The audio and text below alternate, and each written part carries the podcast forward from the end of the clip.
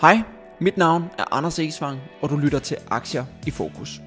En podcast, hvor vi dykker ned i børsnoterede virksomheder for at blive klogere på deres forretningsmodel, vækstmuligheder, udfordringer og ikke mindst kommer tættere på topledelsen i disse virksomheder. Dette afsnit er sponsoreret af Stock.io, din direkte linje til topledelsen i børsnoterede virksomheder. Du behøver ikke at rydde din kalender for live events for at få svar på dine spørgsmål. Indsend dine spørgsmål på forhånd og få direkte svar af ledelsen gjort let tilgængeligt efter begivenheden. Få adgang til søgbare og tidsstemplede transkriberinger og optagelser. Stem på de bedste indsendte spørgsmål og hjælp virksomheden med at forstå, hvor de skal fokusere deres opmærksomhed og forberede de bedste og mest indsigtfulde svar til. Ligesom du ser film, når du har lyst på Netflix, kan du på Stock.io få svar på dine vigtigste spørgsmål af topledelsen i virksomhederne, når det passer dig. Gå ind på stokk.io og få svar på det, du mangler for at kunne træffe beslutninger. I dag har vi fået besøg af Morten Albrechtsen, CEO for FlueGuide. FlueGuide er en dansk virksomhed, som udvikler løsninger til at hjælpe kirurger i deres behandling af forskellige former for cancer. Hvad det helt præcist er, som FlueGuide udvikler, og hvordan det virker, skal vi snakke meget mere om i dag, når Morten skal gøre os klogere på deres produkt og det marked, de opererer i. Så et rigtig stort velkommen til dig, Morten. Tak for øh, invitationen, og tak for, at jeg må være her i dag, Anders. Skal vi ikke starte helt på toppen med, at du lige fortæller os alle sammen lidt om, hvem du er, og hvad din baggrund er? Det kan vi godt. Øhm, min baggrund det er langt tilbage, hvor jeg uddannet læge, og så havde jeg en HD-afsætning, øh, og så gik jeg ud kommercielt i medicinalindustrien til at starte med.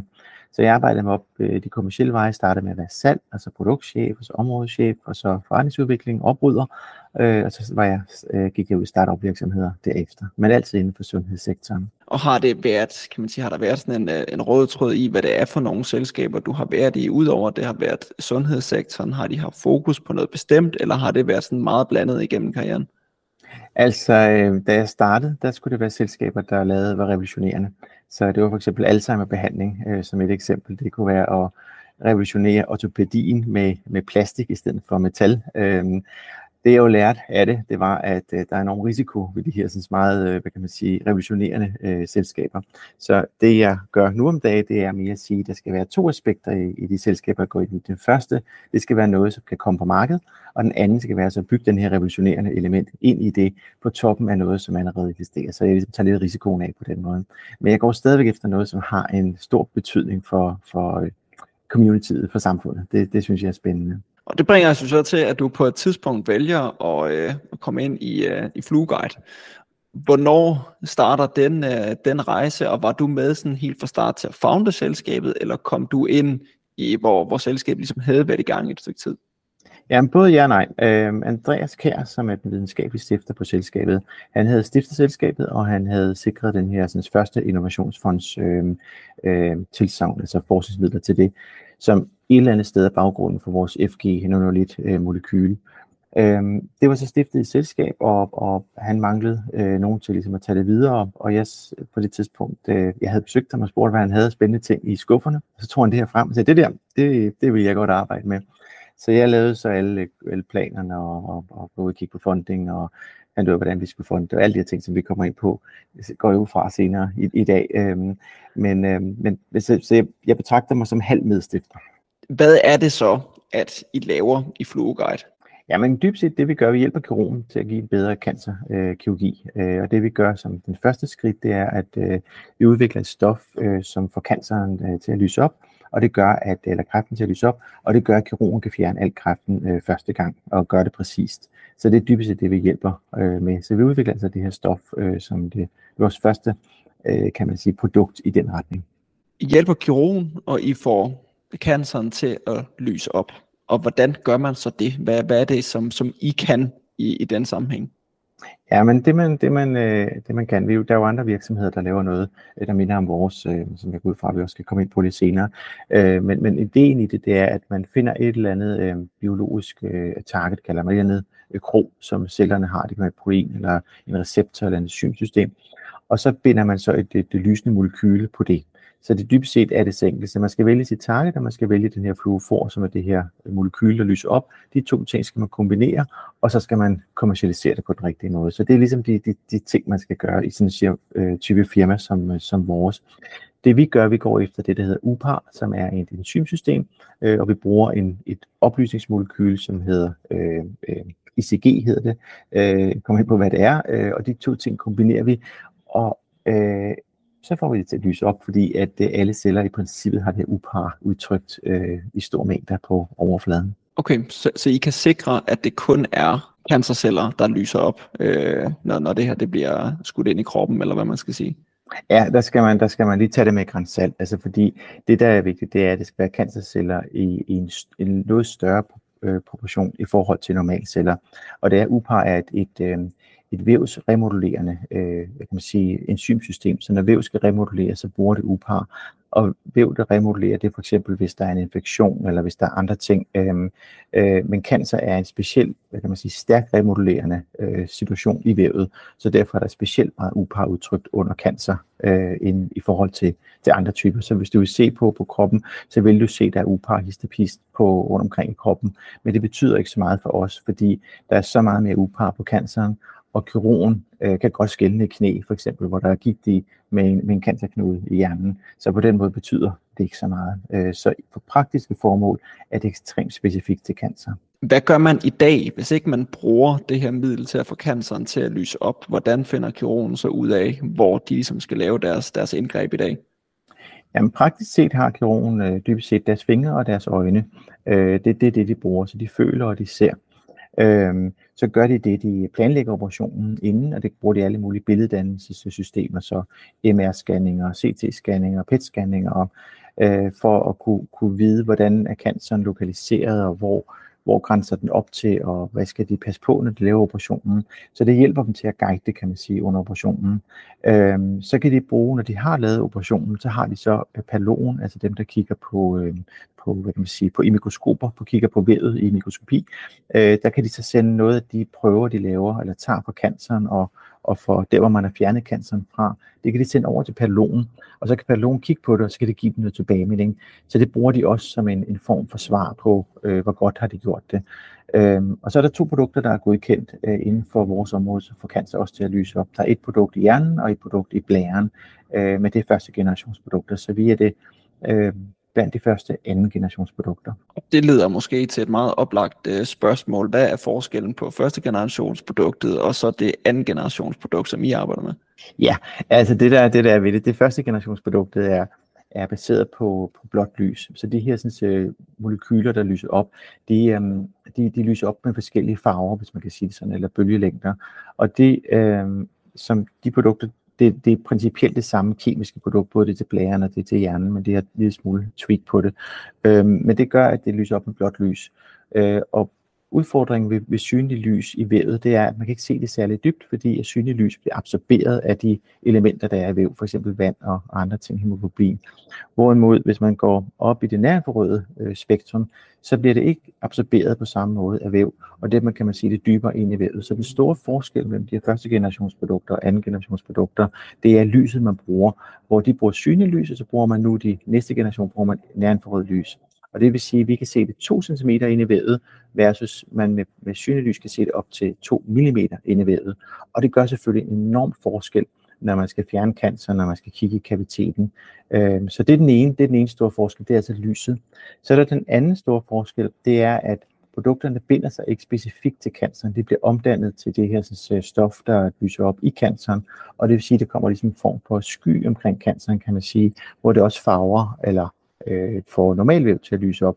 Og det er for eksempel sådan, at man, at man skal have kirurgerne til at have øh, underdan eller uddannelse for, at de ikke fjerner for meget øh, væv, øh, der lyser op i hjernen, fordi de må ikke fjerne normalvæv, der lyser op. Så, så man kan sige, at der er nogle øh, alvorlige problemer ved de her første generations produkter, men ikke desto mindre, så er man kommet i gang med at hjælpe kirurgen til at, at lyse cancer op, kan man sige. Og hvor udbredte er de her første generationsprodukter i dag? Er det noget, som der hyppigt bliver brugt i forbindelse med kirurgi, eller er det også stadigvæk i, i en tidlig fase, så det ikke er mange steder, man bruger det i dag? I, øh, i blærekancer, som er Photocure, det norske selskab, øh, der har det på blærekancer, det er relativt udbredt. Man kan sige, det, som, det her det er et nyt felt, øh, så man skal lære, man skal lære af feltet, og man skal have respekt for, at, at ting altid er mere kompliceret, når man går ind i et nyt felt. Øh, men der er også stor mulighed for at hjælpe, og det er jo så den anden side, det er det, jeg godt kan lide ved det. Øh, men det er, det er et svært felt, og man kan se for eksempel Photocure, som har været det første selskab inde i, i, i sådan en type produkt, i sådan en type indikation, øh, altså blærekancer. Og det de har blandt andet har, har lært, det er, at de havde for eksempel partnerskaber, hvor partneren skulle sælge produktet i markedet. Og det kunne simpelthen se, at partneren gjorde ikke noget ved det, og de solgte ikke noget. Så har Photocure taget de her produkter tilbage til dem selv, og så selv promoveret det. Øh, og det har så gjort, at de har, de har fået godt gang i, i, i mange flere markeder.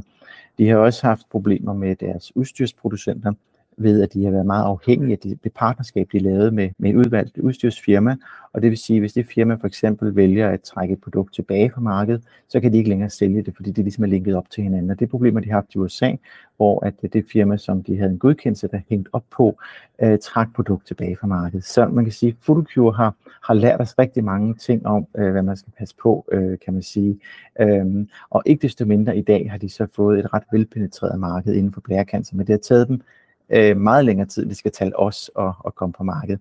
Hvis du så tager hjernekancer som den anden af dem, så er det i Europa, er det brugt meget til, til aggressiv hjernekancer, men kun i Europa. Det er relativt for nylig blevet godkendt i USA.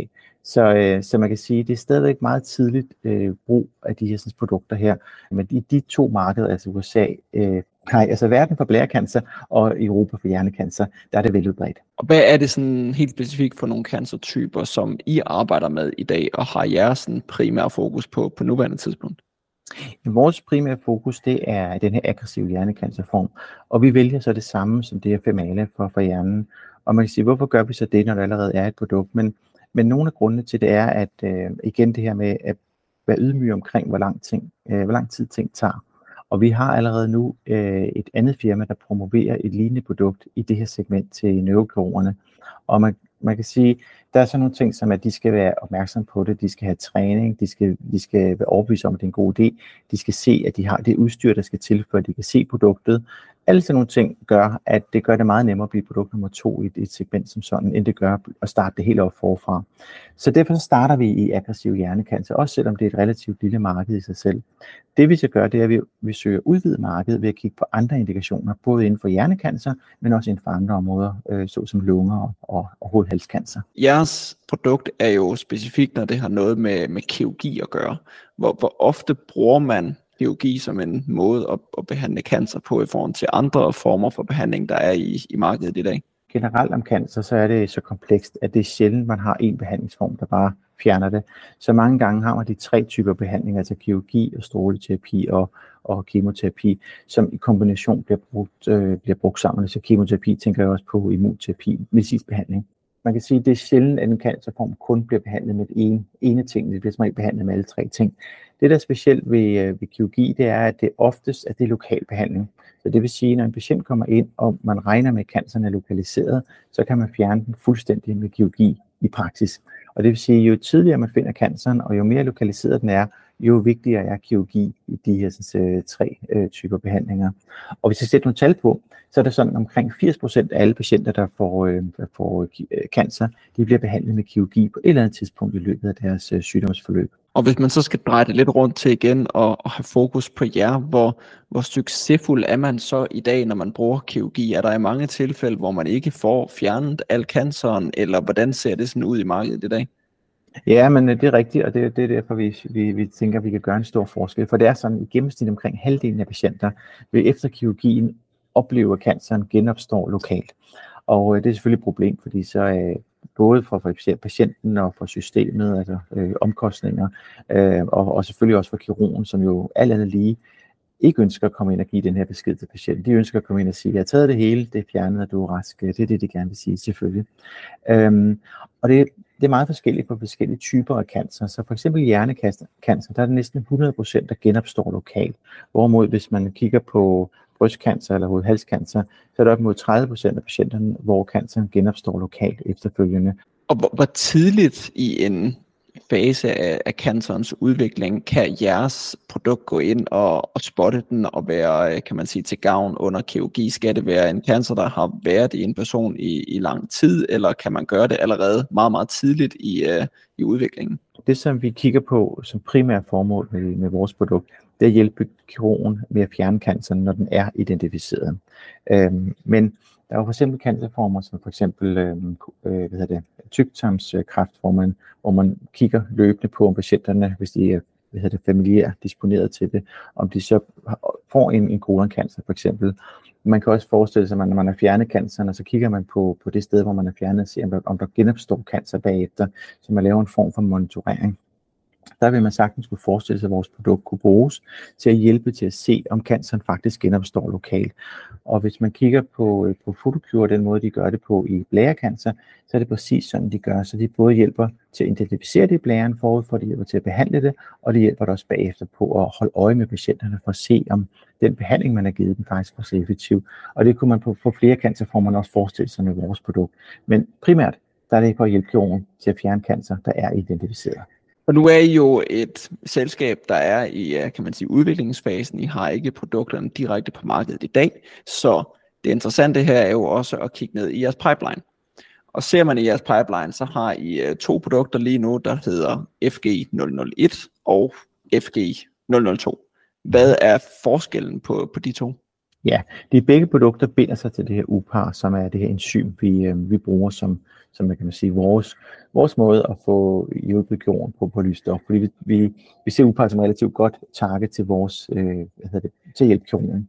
Det, der er forskellen på de to produkter, det er det er farvemolekyl, der hænger halen på det. På det første produkt, FG001, der er det det her ICG.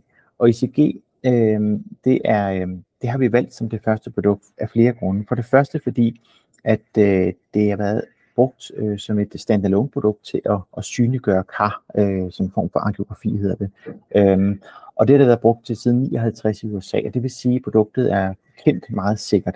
Og det vil sige, at vores risiko for at få nogle øh, vemmelige overraskelser sent i udviklingsforløbet er meget lave ved at bruge det. Så det har været en grund til det. En anden grund, som har vist sig faktisk at være meget vigtig, det er, at det passer til udstyret. Så udstyret, der er derude, kan faktisk se ICG allerede i dag. Og det vil sige, at hvis vi bruger det på vores produkt, kan det også se FG001 øh, med det samme. Og det er faktisk en kæmpe fordel ved, at vi ikke skal ud og sælge udstyr derude. Vi kan plug and play på udstyr, der er derude. Og så for at svare på spørgsmålet på FG002, der sidder så et andet farvemolekyl i halen på det, som måske nok er lidt øh, mere, øh, hvad kan man sige, øh, skinner lidt mere, øh, men til gengæld har det en lidt anden bølgelængde, så det ikke helt passer til udstyret derude øh, i dag. Mange af de nye øh, produkter har det her sådan, øh, type farvemolekyl på, så det kommer til at ske over tid. Øhm, og den anden store forskel, det er, hvordan det bliver håndteret i kroppen. Sådan som FG001, det bliver overvejende udskilt gennem leveren, hvorimod øh, toren overvejende gennem nyren. Og det er lidt forskel på, hvor man kan, øh, hvad kan man sige, hvilke typer cancer man kan se. Så FG001 er bedst på den øvre del af kroppen, og 002 er bedst på den nedre del af kroppen, hvis man skal gøre det simpelt. Så det er nogle, nogle af de forskelle, der er. Så har jeg også kunne læse mig frem til, at I har modtaget et sådan ret stort legat fra Innovationsfonden, der har fokus på fototermisk terapi. Kan du ikke også prøve at sætte lidt ord på, hvad, hvad det betyder, og hvor øh, FlueGuide kommer ind i billedet her, og hvordan I arbejder med det? Jo, øh, det kan vi. Øh, altså som jeg nævnte helt fra starten af, hvad jeg prøver at gøre i dag, så prøver jeg ligesom at komme ind med noget, der er relativt sikkert kommer ind på markedet, og så tage den store, hvad kan man sige, øh, tage, tage det store skridt derfra på basis af noget, der virker. Og det for FlueGuide er det ret sikkert, at vi får et produkt på markedet, der kan hjælpe kirurgen til at fjerne den her øh, hjernekancer. Det er næsten givet. Øh, der, hvor der er store spørgsmål, er, det er, hvor stort kan vi gøre det? Og der kan vi både få vores produkt i flere indikationer, vi kan få øh, skabe mere værdi for patienterne og kirurgen på hver patient. Vi, vi går ind og hjælper med at få en højere pris, udvide markedet, øh, og vi kan lave nogle helt nye typer produkter. Og fototermal terapi kommer i den her sådan, kategori af, hvordan vi kan være med til at gøre mere for den enkelte patient, fordi når man lyser på de her farvemolekyler, så ud, øh, udsender de lys og varme, og nogle molekyler udsender mere varme end lys, men kun lidt lys. Og øh, hvis man lyser for eksempel på FG001, så bliver det varmt, og når det sidder på en cancercelle, så er det faktisk sådan, at det ødelægger cancercellerne, når man lyser på det, fordi det bliver varmet op. Og det vil sige, at vi kan have en mulighed for at ødelægge cancerceller meget specifikt. Så hvis man forestiller sig for eksempel en, øh, en nervekirurg, som fjerner en cancer i, fra, fra hjernen, og opdager, at det, øh, canceren er vokset ind i et eller andet vitalt øh, kan man sige, område i cancer, eller i hjernen, som gør, at de ikke kan fjerne det fuldstændigt, så kan man bruge den her fototermalterapi til ligesom at lyse på det, og så kan man ødelægge canceren, men man kan bibeholde den her sådan, funktion af det, det er vokset ind i. Og det vil faktisk være en, en kæmpe, kæmpe gevinst. Og selvom behovet er mindre i mange andre typer cancer, så er den også der, det kan vokse ind i, i blodkarv, i, i, øh, i leveren for eksempel, eller det kan vokse ind i rygmagen, i, i nervesystemet der. Det, der er en masse steder, hvor cancer vokser ind, hvor, hvor man, kan, man kan sige, man kan fjerne det, uden at ødelægge det, det er vokset ind i. Så fodtermal terapi er en, er en ekstremt spændende, øh, hvad kan man sige, overbygning på, på, på bare guide kirurgen, fordi vi kan også hjælpe kirurgen til at helbrede, helbrede patienten bedre. Øhm, og hvis man ser på det kommercielt, hvis man ser på prisen i det, så får man en væsentlig højere pris på det, hvor man måske får en, en pris på omkring 4.500 dollars per, for, øh, per behandling, man bruger til at, at guide kirurgi, så får man omkring 100 til, til 130.000 dollars for en behandling med fototomatterapi. Så det er en helt anden pris, man får, fordi man giver en helt anden kan man sige, øhm, fordel til patienten og systemet ved at bruge det. Det koster også mere, der er mere risiko i det, så længere tid, men, øh, men det er en super spændende næste bølge til PlueGuide at udvikle på. Og så lagde jeg mærke til, at du sagde, at ved jer er det sådan ret givet, at I får et produkt på markedet. Det er, det er næsten sikkert. Mm-hmm. Hvor, hvorfor er det det? Altså, hvad, hvad gør forskellen på, at, at det næsten er givet for jer, når det for andre selskaber kan være en, kan man sige, en lang og sej kamp, indtil det rent faktisk sker? Hvis man ser på FlueGuide, så er vi jo sådan en, en hybrid med, med et lægemiddelfirma og et, og et medicinsk udstyrsfirma. Øhm, og vi har nogle, nogle fordele og ulemper ved begge, ved begge hvad kan man sige, sektorer.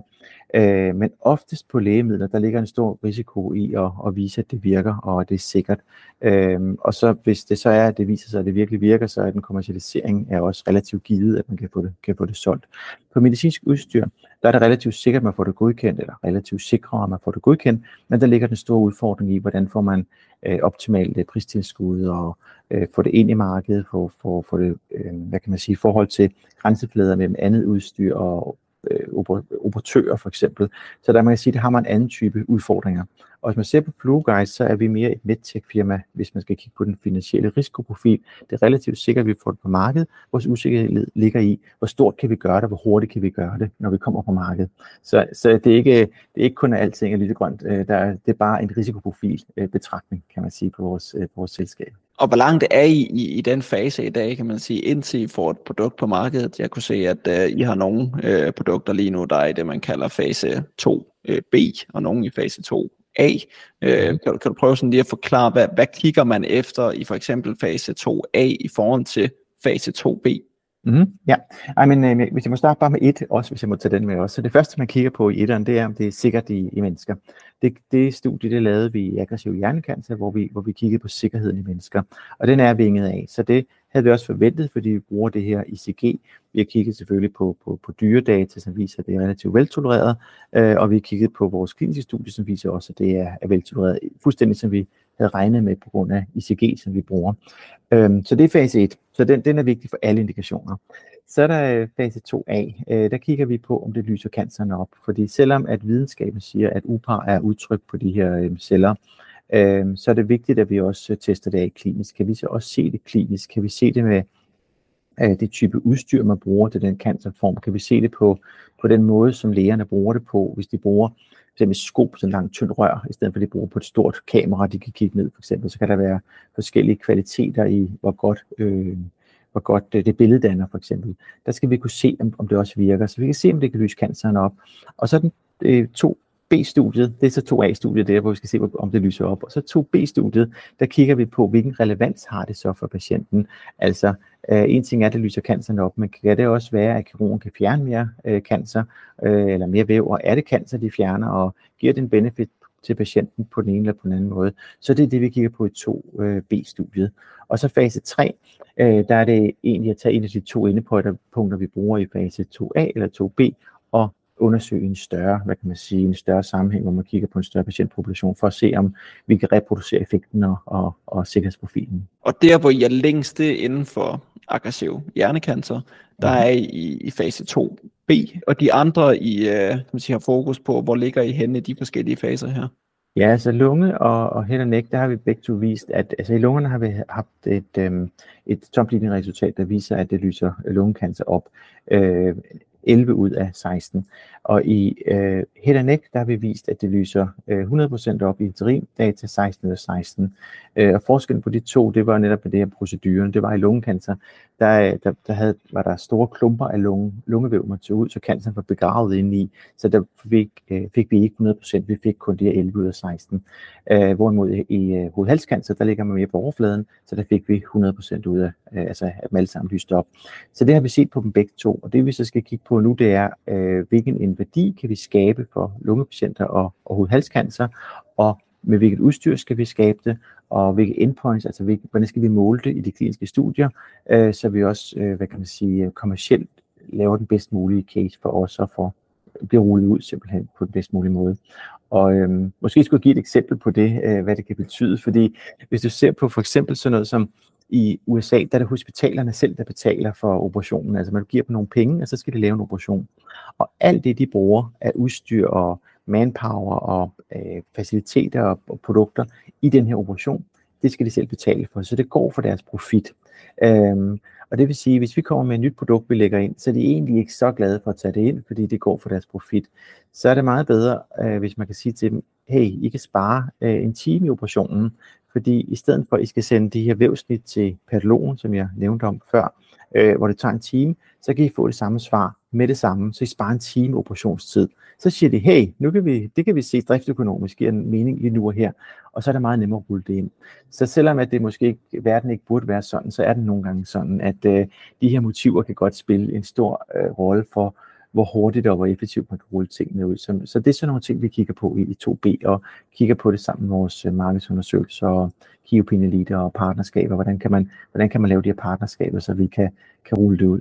Og hvor lang tid tager sådan en, en fase 2B at, at køre igennem fra, fra I starter til, til vi har nogle resultater i markedet, man egentlig kan måle på?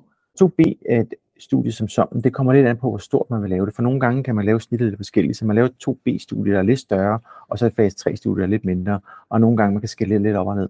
Øh, så det kommer lidt an på, hvor, hvor sikker man er på, at man, det man gør, det er det, er det rigtige, øh, kan man sige. Så det kan tage alt fra, øh, ja, det kan tage alt fra et halvt år til, til to år i princippet, afhængig af, hvordan du, du, du, du laver det. Øh, jeg vil så også sige, det vi har lært af vores studier, det er, at det, der tager os længst tid, det er at sætte studiet op. Og det tager os faktisk relativt lang tid, fordi øh, relativt til andre kliniske studier, fordi vi arbejder med kirurger. Og kirurgerne er, er ikke på samme måde vant til at lave øh, kliniske studier på den her måde til det kvalitetskrav, vi ønsker, og vi skal bruge til vores øh, øh, lægemiddelmyndigheder. Så derfor så tager det simpelthen bare lang tid at sætte de her studier op. Det må, det må vi erkende. Men når først vi har studierne sat op, så går det ret hurtigt med at inkludere vores patienter. Og hvis man så kigger på sådan en, uh, en timeline for jer af, så I forventer at kunne komme ud med fase 2B-resultater i, i slutningen af, af i år. Hvornår ja. forventer I så, at man går i gang med en fase 3, og i sidste ende får resultater fra en fase, fase 3? Ja, vi regner med at gå i gang med fase 3 i 24, og vi regner med, at det tager cirka et år at, at involvere det studie.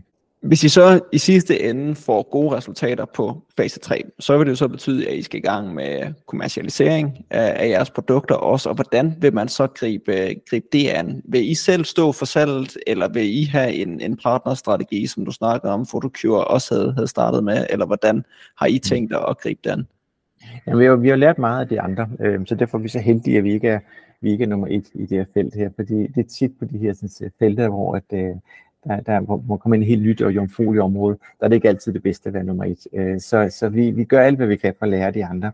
Og der er to ting, hvis man kan sige, at man, vi kan lære de andre. Den ene ting, det er det her med, at det er godt at have folk i markedet. Så vi skal som minimum have folk, der servicerer øh, hospitalerne og ligesom trækker produktet ud i markedet. Øhm, vores primære fokus lige nu, det er aggressiv hjernekancer, det er USA. Øhm, men om vi så har nogle partner, som øh, hvad kan man sige, medhjælper øh, til at få det rullet ud i markedet, det kan godt være, at det kan give mening at gøre, og det kigger vi på øh, som en af tingene hen ad vejen. Det kunne fx tage noget risikoen for at tage et nyt marked, at man har nogen, og man, der hjælper en til at få få, hvad kan man sige, komme hurtigt ud til kunderne, og, og de ting, det tager lang tid at få, få alle de her ting etableret. Så det kigger vi selvfølgelig på, men det er givet, at vi skal have nogle mennesker i markedet.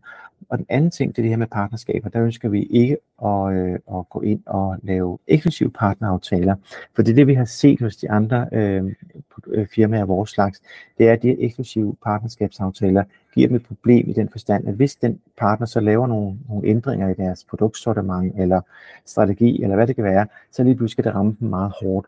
Så det er meget vigtigt for os at have en, øh, en fleksibilitet over for partnerne. Så det arbejder vi rigtig meget på øh, at se, om vi kan, vi kan skaffe. Og prisen for det er selvfølgelig, at partnerskaberne tager længere tid, og vi får flere, færre penge upfront i, i partnerskaberne. Men vi mener, det er givet godt ud, fordi at, øh, det giver os en kan man sige, langt bedre fleksibilitet i, i kommercialiseringen. Og er det noget, som potentielle partnere er interesseret i? For jeg kunne forestille mig, at mange af dem, der er partnerkandidater til jer, måske gerne vil have den her eksklusivitet, for det kun er dem, der kan levere det på markedet. Ja, men, øh, men øh, det, er jo så, det er jo så det, man, øh, man, altså, det er jo, man vil jo, når man starter som forhandling, så vil man jo rent bede om det hele, og så, så må man så se, hvor, hvor man ender, øhm, og det er jo så den proces, øh, vi, vi, vi, der pågår, kan man sige. Det, der selvfølgelig er vigtigt, det er, hvad, som jeg ser på, er, er vigtigt med de her partnerskabsaftaler, det er, at man laver en situation, hvor, hvor både vi og partneren får rigtig meget ud af det, fordi hvis vi laver en aftale, hvor partneren ikke rigtig får noget ud af det, jamen så ender det bare med, at de siger i en eller anden strategisk øh, review internt, at de lukker projektet, og så, så, så er man lige vidt, kan man sige. Så det er rigtig vigtigt, de er super motiveret internt også i at skubbe det frem, og så kunne tjene en masse penge på det. Så, så man skal helst få lavet den her win-win, og man kan sige, at igen, det er et nyt område, og der er ikke der er ikke fem partnerskabsaftaler, man kan læne sig op og sige, det er sådan, man skal gøre. Så der er lidt arbejde for os og partnerne i at finde den rigtige måde at gøre det på. Der, hvor vi ser den største hvad skal man sige, gensidige værdiskabelse med partneren, det er inden for, for dem, der laver billeddannelsesudstyr, eller, eller robotter, eller, eller skoper. Nogen, der laver udstyr til kirurgien, hvor de bygger noget billeddannelse ovenpå. Og det er så nogen som, øh, det kan være sådan nogen som Medtronic, øh, Johnson Johnson, øhm, øhm, ja, alle de her store medtech-selskaber i princippet, øh, der er inden for det område. Hvad er incitamenten for partnerne i at, at partner op med jer? Er det fordi, at de kan sælge flere produkter ved også at kunne levere jeres produkt samtidig, eller hvad, hvad er sådan deres grund i at skulle være partneren? Ja, men det er, det er et rigtig godt spørgsmål, og det er jo det, som, som, som man kan sige, en del af, af partnerskabet er også at skabe netop den her sådan, øh, synliggørelse på den værdi, som, som både de kan få ud af det, og vi kan få ud af det. Og, og for at give nogle eksempler på det, så inden for hjernekancer for eksempel, der er to udbydere, der har del af markedet imellem sig, så det er et meget modent marked, udstyret er derude, og der er ikke mange nye udstyr, man kan sælge ind til, til centre, der ikke har mikroskoper i forvejen, så alle har mikroskoper i dag. Øhm, så der tager det tid at, og, hvad kan man sige, øh, Øh, udskifte den her udstyrspark. Hvis du tager på hovedhalskancer eller på lungekancer, nogle af de andre, så er der en meget stor gruppe af, af partnere, øh, eller skal man sige udstyrsproducenter, der er i området, og som alle, alle sammen, næsten alle sammen, har en relativt lille markedsandel for hver deres øh, type produkt, og som kommer med mange nye øh, landvindinger. Og øh, som et eksempel, de robotfirmaer, der er derude nu, som kommer og starter med, med, med hvad det, prostataoperationer, så er det ligesom bevæget sig op i kroppen. Øhm, de, hvis, hvis vi kunne hjælpe dem, øh, for eksempel, eller det kunne være et skobfirma, som, som sælger de her sådan, rør, man kan kigge ind i, øh, ind i, ind i folk på. Øhm, hvis vi kan hjælpe dem til at gøre deres produkt unik i forhold til konkurrenterne, øh, så kan de lige pludselig måske fordoble deres markedsandel, eller de kan øge deres pris, eller de kan penetrere markedet hurtigere. Og det er nogle af de ting, som giver dem en kæmpe fordel. Øh, så, så, øh, og det, det er jo det, som man skal, så skal have synliggjort for dem. Så det den, hvad skal man sige, den lavt hængende frugt for dem, det er det her med, at de kan sælge mere udstyr hurtigere til en højere pris. Den næste, der så er i det, er, at der er også nogle muligheder for, at de laver opdateringer, som passer til vores produkt, hvor man, hvor man optimerer det. Fordi når vi siger, at vi kan se vores produkt med den her ICG-setting, så er det sådan set sådan, at, øh, at det på, på en måde, der fungerer, men det er ikke særlig optimalt. Man kan, man kan forbedre det rigtig mange gange. Og hvis man sammen med nogle udvalgte partnere laver nogle forbedrings øh, øh, hvad skal man sige, til deres produkt, for eksempel i software eller billedbehandling, så lige pludselig får man en, en anden generations øh, produkt, der, der kombinerer de to ting sammen. Og det gør så, at det kan de sælge også ud til deres kunder, eller de kan få nogle subscription fee på opdatering på softwaren. Og lige pludselig begynder man at lave nogle ting, som uh, faktisk øh, gør det ekstremt uh, interessant for dem. Og hvis man så tager det næste skridt, øh, det er jo så det her med, hvis man tænker på, øh, at man øh, kirurgerne i dag, hvis man kan hjælpe dem til at træne dem og kvalitetssikre dem, så kan man faktisk øh, være med til at løfte hele feltet og gøre det bedre. Øh, og det ligger der også en enorm øh, værdi i, at man faktisk kan, kan være med til det. Så man kan sige, at dem her sådan, Surgical Science i Sverige er et eksempel på et firma, der laver sådan nogle træningssystemer til, til kirurger og gør det rigtig, rigtig godt, og der er en masse andre øh, typer selskaber. Så træning til kirurgerne vil være helt oplagt at lave sammen med de her partnerfirmaer. Så der er mange muligheder. Hvis vi så kigger sådan kun på, på USA, og måske kun fokuserer på aggressiv hjernekancer, som er jeres sådan primære fokus på nuværende tidspunkt, hvad Hvor, hvor, hvor stort er det, det amerikanske marked så for jer? Ja, i USA er der omkring 10.000 øh, patienter om året, der får operation for aggressiv hjernekancer. Men der er omkring 100.000, der får operation for hjernekancer, øh, og der er omkring 100 ekstra der får fra øh, metastaser i hjernen, som kommer fra andre cancer. Så man kan sige, at vores indgangs, der hvor vi starter, det er måske ikke så stort. Men vi har bare hjernekancer, har vi faktisk, kan vi, kan vi gange det mange gange op, øh, fordi der er så mange andre cancerformer i hjernen. Øhm, og så er der alle de andre cancer. Så er der for eksempel lungekancer, hvor der er en million om året, eller øh, og så videre på bryst også, som, som er rigtig hyppig. Så man kan sige, at det, der er vigtigt for os, det er at prøve at lade være sprede os, så vi spreder os tyndt. Vi skal ligesom lave en ting ad gangen, som giver succes, og så skal vi bygge på. Øhm, øhm, og hvis man kigger på fototermalterapi for eksempel, så har det jo en pris, øh, som jeg nævnte før, som er langt højere end på, på, på guiding af kirurgi, så det er også en vej at gå. Så man kan sige, for os, vi kommer ind i sted, og så er der også om at udvide markedet med at lave mere, øh, mere værdi til patienterne, lave flere patienter, vi kan gøre gavn, og hjælpe partnerne til at tjene flere penge også. Og er der nogen begrænsninger for jeres side i, hvilke cancertyper I kan adressere? Altså skal det have nogle, nogle specifikke karakteristika, eller kan I som udgangspunkt egentlig udvidet til, til alle former for cancer med tiden? Jamen altså faktisk så er det sådan, at det skal være, det skal være cancer, som udtrykker upar. Øh, og vi har jo sagt, at øh, det, det, det er i hvert fald vores, vores holdning til det, at vi vil gerne have, at når man, når man vælger en cancerform, så skal, øh, så skal upar være udtrykt på de fleste af de patienter, der kommer ind til operation, så man ikke skal screene dem, inden de kommer ind til operation. Og det er faktisk tilfældet på de fleste af de her solide, øh, altså faste cancerformer, det er tilfældet, undtagen en, som er den her blærehalskirtel, altså prostata, prostatacancer. Og grunden til det, det er, at normalt er prostatacancer en relativt langsomt voksende cancer, den er ikke særlig aggressiv, og de har ikke så meget upar udtryk. Men dem af prostatacancer, der er aggressive, de har også upar udtryk. Men fordi der er en relativt stor øh, andel af dem, der ikke er så aggressive, øh, så er der en, også en relativt stor del af dem, der ikke er upar udtrykt. Øh, så prostatacancer er nok den eneste, vi ikke går ind i som et øh, hvad kan man sige, lavt hængende frugt. Der skulle det kun være de aggressive prostatacancer for eksempel, men det ligger ned ad vejen. Og du nævnte også før, at noget af det, der sådan var unikt ved jer, det var, at jeres produkt kunne ligesom bruges på alt det udstyr, der allerede findes derude. Mm. Og det virker jo enormt oplagt, at man ikke skal ud og, og skifte udstyr for at bruge nye produkter på markedet.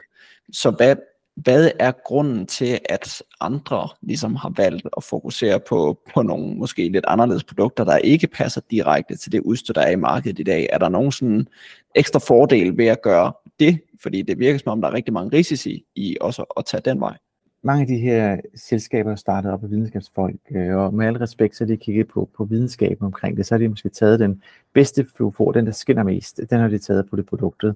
Øh, så har de ikke tænkt på, at der også kommer noget, noget sikkerhedsundersøgelse om toksikologi ned ad vejen. De har ikke set så meget på det kommercielle, man også skulle have det ind i udstyr.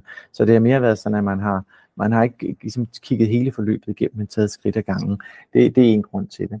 Øhm, så er der den anden grund til det, det er, at øh, det her stof, som, som, øh, som vi bruger på, på toren, det er lidt mere skinnende end, end, end øh, uh, ICG, som er, altså man kan sige, ICG er et gammeldags fluofor, øhm, og er lidt mindre skinnende end den anden. Men det, som vi kan se på vores produkt nu, det er, at det er godt nok til det, vi skal bruge det til. Vi kan se, vi kan se det hos patienterne, vi kan lave det, hvad hedder det forhold for dem. Og så kan det godt være, at det ikke er den fluofor, der skinner mest, men hvis den er god nok til at levere en benefit, jamen så, øh, og den kommer ind på udstyr, så er det måske den optimale mellem de forskellige parametre, der skal gøres som det første produkt, øh, der kommer ud på markedet. Så det er altid det her med, at øh, der er jo ret mange parametre, øh, der skal være opfyldt og optimeres på, på sådan en, en, en type big, som, som den vi er i.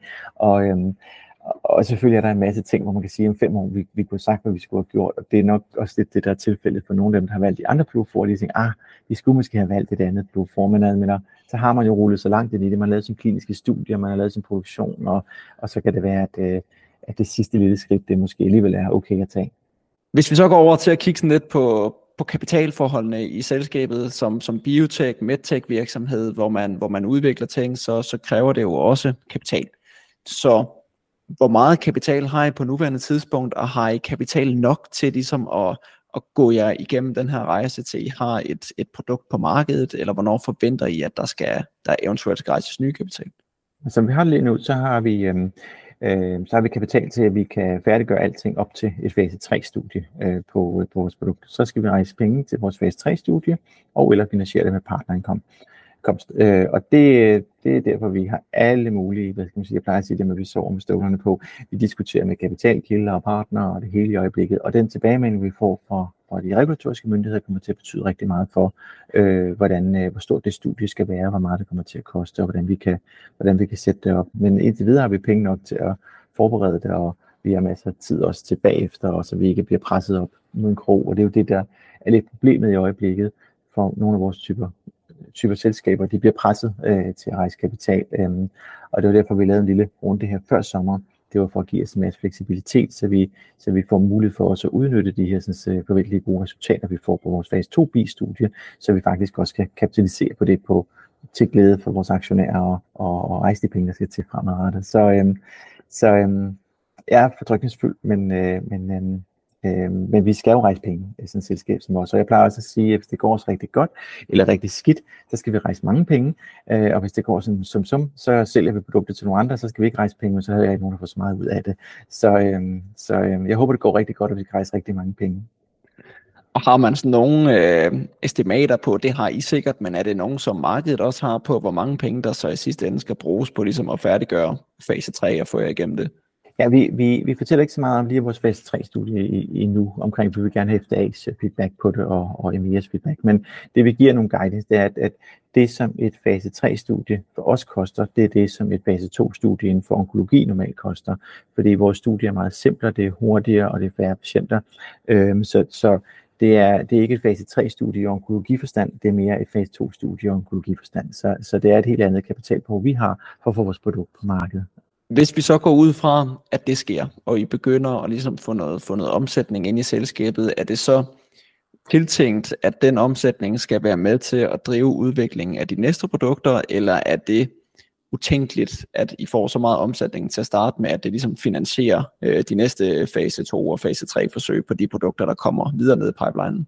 Det her, hvor vi skal, hvor vi skal tænke os om øh, godt, fordi du kan sige, hvis vi sælger meget af det ud til partner, så får vi ikke udgifterne til at lancere det, og vi får indkomsten, eller vi skal bruge penge til at udvikle videre for. Øh, men vi får et stort upside på vores produkter. Hvis vi tager produkterne videre, så skal vi investere mere i vores kommercialisering, men vi får en større del af kagen ad vejen. Øh, så man kan sige, at vi kan blive udtyndet både af, at vi rejser penge, men vi kan også blive udtyndet af at lave nogle dårlige partnerskabsaftaler, som tager en for stor del af kagen ad vejen, øh, som er lidt mere skjult for aktionærerne, men er super vigtigt at holde øje med for aktionærer. Hvordan er de aftaler? Så, øh, så man kan sige, vores, og det er der, hvor at, øh, man kan sige, at hvis man er flueguide, der skal man så glæde sig over, at øh, Andreas jeg har en stor andel i det. Så vi, øh, der er stor sandsynlighed for, at vi vil gøre alt, hvad vi kan i hvert fald for at, at optimere den balance mellem udtynding og, og fremdrift. Øh. øhm, hvis vi så her til sidst prøver at kigge sådan lidt øh, fremad, og se på, hvad, hvad der sådan kan ske i fremtiden for, for FlueGuide, så hvad skal man så sådan forvente og holde øje med over det næste stykke tid, hvis vi sådan snakker indeværende år? Der, øh, det er resultater for fase 2B, der, der forventes at komme i år. Er der sådan andre ting, man som investor skal holde øje med i indeværende år? Ja, men øh, så kommer der også hele vores, øh, vi, vi fremlægger planerne for, hvordan vores fase 3-studie skal se ud. Øhm, hvordan kan vores kommercialisering se ud? Hvordan kan vores partnerskaber se ud? Så vi, vi, vil, vi vil fortælle meget mere om, hvordan, hvordan kan hvordan kommer FlueGuide til at se ud som selskab i sidste ende. Så det vil jeg bestemt også holde øje med øh, som investor i Guide. Og hvis vi så ser frem mod 2025, hvad, hvad kommer der så ekstra på listen her, som vi skal være opmærksomme på? Ja, men allerede i 24 kommer der jo sandsynligvis resultater for andre indikationer. Der kommer i 25 kommer der øh, fase 3 studieresultater, der kommer nogle regulatoriske feedback, der kommer partnerskaber sandsynligvis i, op, i, i step op mod det. Øh, så, så man kan sige, det vi, vores planer bliver ligesom øh, øh, argumenteret, valideret og bevist, at de faktisk øh, holder, holder stik. Øh, så det er det, der kommer hen ad vejen. Og hvis vi så tager de øh, helt lange briller på til sidst, og kigger 10 år frem i tiden, og du mm. øh, skal herind igen om 10 år øh, mm. og have en podcast igen. Ja. Hvad er det så for et selskab, vi har til den tid, og hvad, hvad er sådan visionerne på den lange bane for Flugøjt? Hvad kan man sige, jeg, jeg, øh, det, jeg, jeg synes, Blue er et fantastisk spændende selskab. Det, det, det, det tror jeg, alle ved efterhånden. Men, øh, men grund, en af grunden til, at jeg synes, det er så spændende, det er, at vi starter egentlig som et lægemiddelfirma. Altså i dag er det lægemiddelregler, vi er under. Øh, som jeg nævnte før, omkring vores risikoprofil, så er den meget med tech-lignende.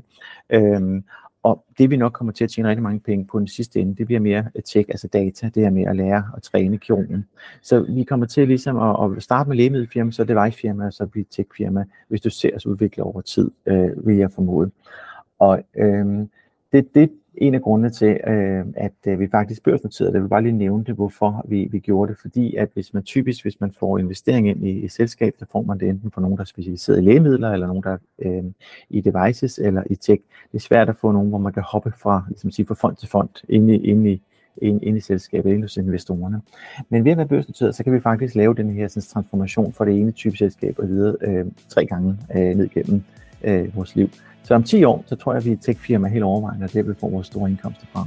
Jamen det er jo vi glæder os til at følge, følge rigtig meget med i. Du skal have enormt stor tak for, for din tid her, Morten. Tak fordi du gjorde os klogere på alt det, I arbejder med, og, og hvad det er for, for et selskab, Guide er i dag, og måske bliver i fremtiden. Jamen tak, fordi jeg måtte komme. Tak.